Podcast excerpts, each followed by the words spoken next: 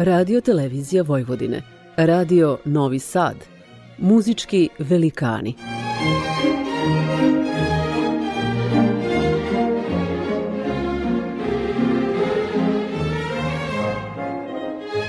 Urednik i voditelj Bogdan Đorđević.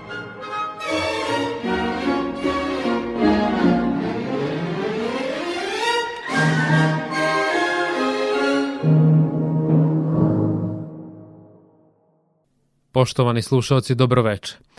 Emisiju započinjemo fantazijom i fugom u C-molu Johana Sebastijana Baha, koja je nastala tokom Bahovog drugog boravka u Vajmaru 1723. Ovaj nemački kompozitor slavu je stekao kao orguljaš kada se istakao u veštim improvizacijama i kreiranju impozantnog broja muzičkih oblika koji su obeležili epohu baroka. Njegova dela do danas su ostala nenadmašna i neprikosnovena pre svega zbog intelektualne dubine i tehničkog savršenstva. Duboko religiozan i konzervativan, Bach je bio jedan od najznačajnijih predstavnika takozvanog univerzalnog humanizma u umetnostima. Kao dvorski i crkveni muzičar, dirigent i učitelj, bavio se svim muzičkim žanrovima osim operom. A sada nešto više o orguljama – One predstavljaju najdominantniji i najsloženiji aerofoni muzički instrument. Sastoje se od jednotonskih svirala koje proizvode širok spektar zvukova uz pomoć vazduha iz mehova.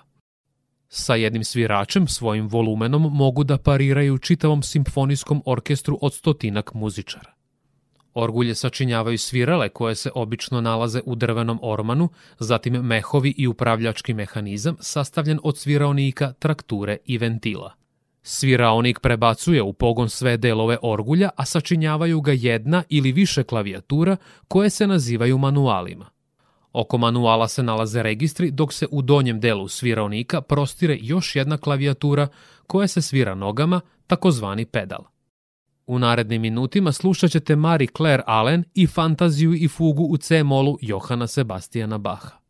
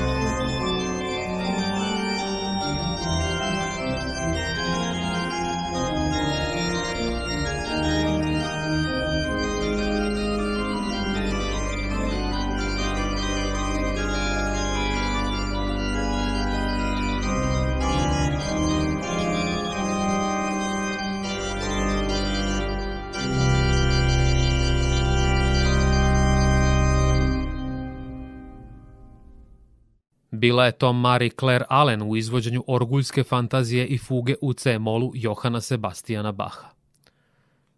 Cevi ovog monumentalnog instrumenta uočavamo najčešće u obliku cilindra, kupe, prizme i piramide. Izrađene su od drveta, kalaja, olova i bakra. U njima se nalazi zgusnuti vazduh i on pri izlasku proizvodi zvuk iz jednog ili više mehova koji se pumpaju pomoću elektromotora. Vi ste na talasima prvog programa radija Radio Televizije Vojvodine. U nastavku emisije Muzički velikani slušat ćete ariju iz svite za čembolo u D-molu Georga Friedricha Hendla iz 1720. Hendel je bio korpulentan čovek, snažnog fizičkog i duhovnog zdravlja, osoba optimističnih i praktičnih životnih postulata.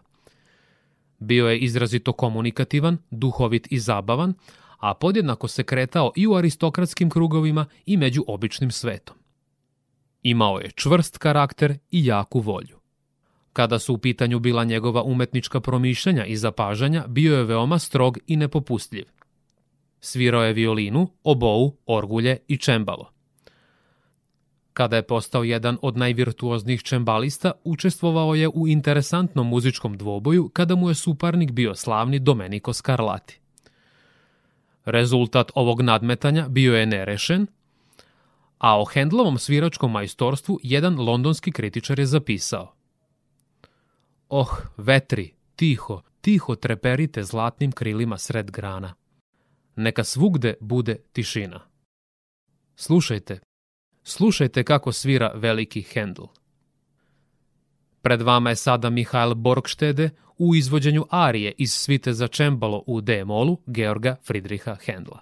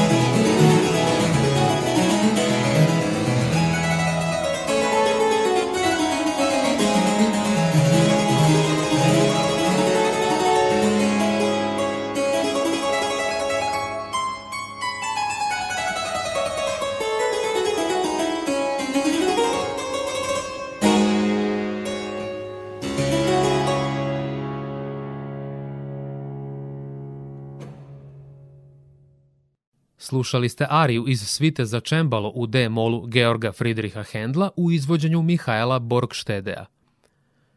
Hendel je jedan od najvećih kompozitora svih vremena i najznačajniji barokni kompozitor uz Johana Sebastijana Baha. U Hendlovom velikom opusu nalaze se svi poznati muzički žanrovi, opere, oratorijumi, koncerti, svite, sonate.